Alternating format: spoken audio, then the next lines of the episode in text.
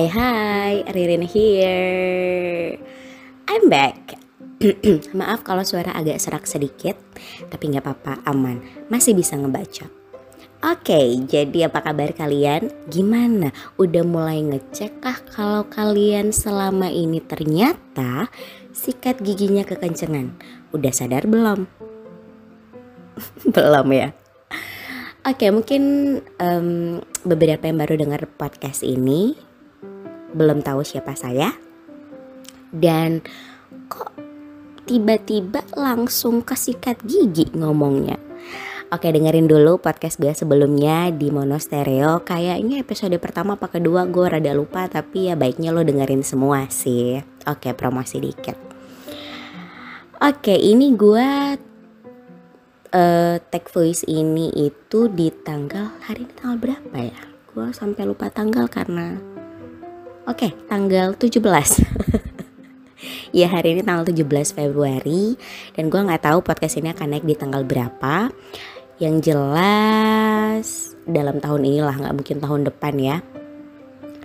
So anyway, uh, kembali ke persoalan sikat gigi tadi, kenapa gue tanya soal kesadaran lo ketika lo sikat gigi? Karena gue pernah baca nih dari penelitian bahwa 7 dari 10 orang itu menyadar ketika mereka melakukan atau mempraktekkan mindfulness dalam keseharian mereka, mereka menemukan bahwa menemukan dan menyadari bahwa ternyata selama ini mereka sikat giginya kekencengan. Berarti itu menunjukkan bahwa ternyata kita-kita ini manusia-manusia di era digital ini ya autopilot say, autopilot ya. Jadi kita itu cenderung untuk bekerja, beraktivitas, menjalani kehidupan kita day by day itu uh, secara kayak robot cenah. gitu gampangnya kira-kira ya. Jadi uh, kita kayak bangun pagi, pergi kerja, terus kita pulang, istirahat, nonton TV, jemput anak, antar anak, uh, atau ngobrol sama teman-teman, itu kita utopia ternyata. Padahal kita ngerasanya kayak enggak kok, gue sadar-sadar aja gitu kan. Jadi banyak mungkin orang yang memahami bahwa kesadaran itu hanya sebatas melek, ya kan kayak kalau lo tidur ya lo tidur. Lo berarti nggak sadar gitu atau hilang kesadaran. Bukan pingsan juga ya tapi kan biasanya kita kalau tidur ya ya tidur wa gitu. Nah kebanyakan orang e, memahaminya bahwa kesadaran itu hanya sebatas kita buka mata kita menjalani kehidupan. That's it.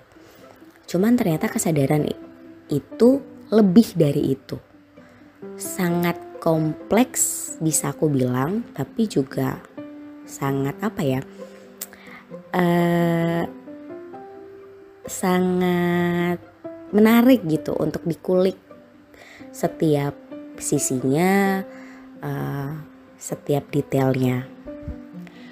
Gambaran gue mungkin terlalu ngawang ya jadi susah dimengerti tapi kembali ke analogi sikat gigi tadi itu itu hal itu contoh paling sederhana.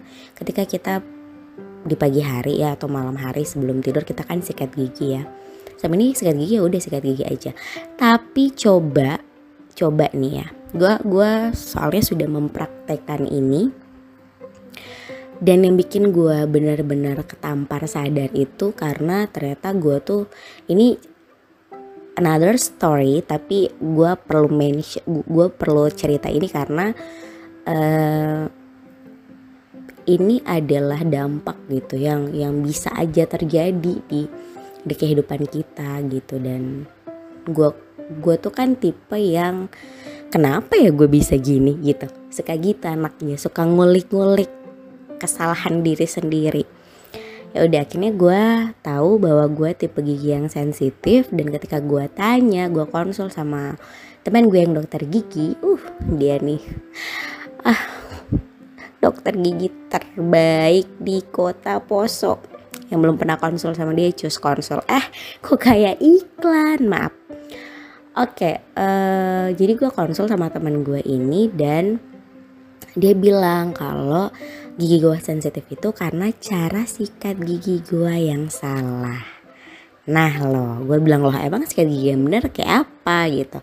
Ya udah diajarin, bayangkan gue udah umur waktu itu berarti 27 tahun gue bertahu wow ternyata cara sikat gigi gue selama ini salah. Dan itu yang membuat gigi gue jadi sensitif. Kalau kalian mungkin belum sampai di kasus seperti gue yang giginya jadi sensitif karena salah pola sikat gigi, ya lucky you gitu. Tapi kembali lagi ke topik inti kita tentang mindfulness.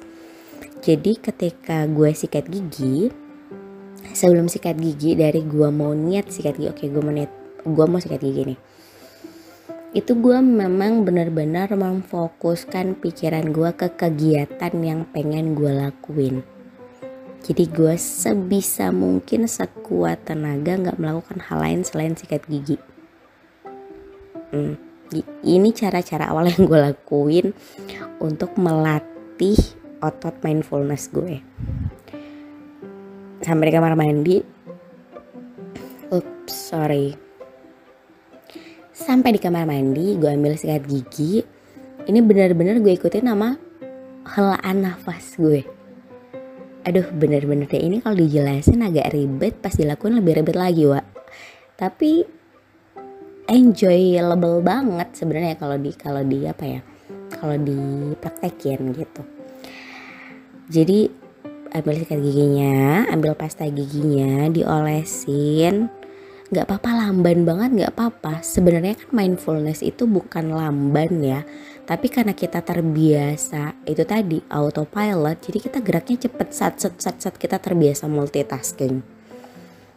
Padahal menurut penelitian multitasking itu tidak selalu berdampak baik bagi perkembangan otak dan masa depan kita. Secara detailnya boleh di googling ada penelitian ilmiahnya juga, ada jurnalnya kalau aku pernah baca ada jurnalnya. Cuman supaya mempersingkat podcast ini, mari sama-sama kita belajar buka di Om Google ya. Terus kemudian uh, gosok gigi itu bener-bener pelan-pelan aja jadi kayak nikmati detik tiap detiknya emang jatuhnya jadi kayak kok lamban banget gue. Nah itu perlawanan pergolakan batin yang kayak lu pengen cepet-cepet nyelesain ini gitu. Kayak urusan setelah ini tuh masih banyak gue masih harus ini ini ini, ini. ditahan nafas. Inhale exhale inhale exhale inhale exhale. Begitu terus sampai prosesi sikat giginya selesai. And you will realize lama ya ternyata waktu yang gue butuh untuk sekadar membersihkan gigi gitu dan sebenarnya percaya atau nggak percaya waktu 24 jam itu masih cukup banget kok kita untuk uh, mempraktekkan mindfulness ini. Memang mungkin rasanya lamban tapi 24 jam itu sangat cukup.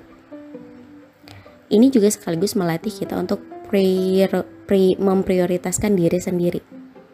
Gitu. Jadi kayak kita selama ini bergerak autopilot biasanya tanpa sadar karena autopilot tadi itu tanpa sadar kita banyak me memprioritaskan orang lain bukan diri sendiri jadi dengan mindfulness ini banyak banget otot-otot istilahnya gini otot besarnya tuh mindfulness ada otot-otot kecilnya yang bisa ikut dilatih kayak self boundaries uh, batasan diri ya. Terus prioritas diri tadi itu. Terus juga uh, jadi mindful of course. Dan masih banyak lagi lo jadi bisa lebih fokus jadi lebih bisa chill. Dan ya ini butuh waktu untuk latihan memang mungkin beberapa orang di awal akan sangat tertekan gak tahan merasa kayak eh apaan ini? Tapi tunggu dulu itu karena memang kita terbiasa autopilot. Jadi namanya kita mau switch kebiasaan kita untuk lebih mindfulness memang sensasi rasanya seperti itu. Tapi kalau gue ya justru itu yang menarik. Gue kayak berkelahi dengan diri gue sendiri gue benar-benar oh ini toh yang dimaksud kayak melawan diri sendiri.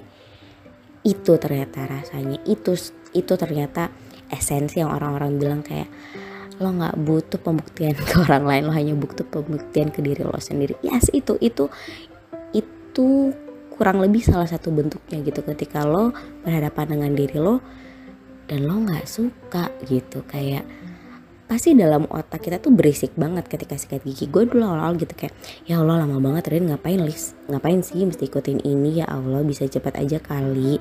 Ya ampun Ririn lelet banget jadi uh jajingnya pol-polan ke diri sendiri. Bayangin nggak kita tuh bisa se selancar itu untuk judging ourselves. Dan ya memang ya ketika kita berproses untuk mindful ini kan salah satu apa ya salah satu cabangnya lah untuk kita bisa mengenal diri sendiri. Nah ketika kita mulai menjalani proses by proses mindfulness ini kita tuh kayak ngupas bawang. Jadi lapisan satu kebuka oh lapisan lagi satu kebuka dan makin perih rasanya wa di mata. Cuman ya makin sedep ya perih-perih sedep gitu dan menurut gue sih itu sangat bermanfaat gue sampai sekarang pun tidak pernah menyesal memulai langkah untuk mengenal diri gue sendiri karena gue justru bersyukur karena gue mengenal diri gue lebih baik daripada gue sebelumnya. Jadi dulu gue pernah ada di satu relationship yang gue merasa dia bisa lebih tahu gue daripada gue gitu. Ngerti nggak? Kayak gue selalu ketebak dia tahu apa yang gue mau gitu. Bukan kayak dia ngebaca pikiran gue bukan. Tapi kayak dia tahu menyamankan gue gitu. Sementara gue sampai yang hah kok gue nggak bisa ya? Kayak gitu. Gitu. Pernah ada gue di titik itu. Nah ketika gue memulai mindfulness ini gue mulai menyadari oh ya ternyata memang gue itu tidak mengenal diri gue sendiri.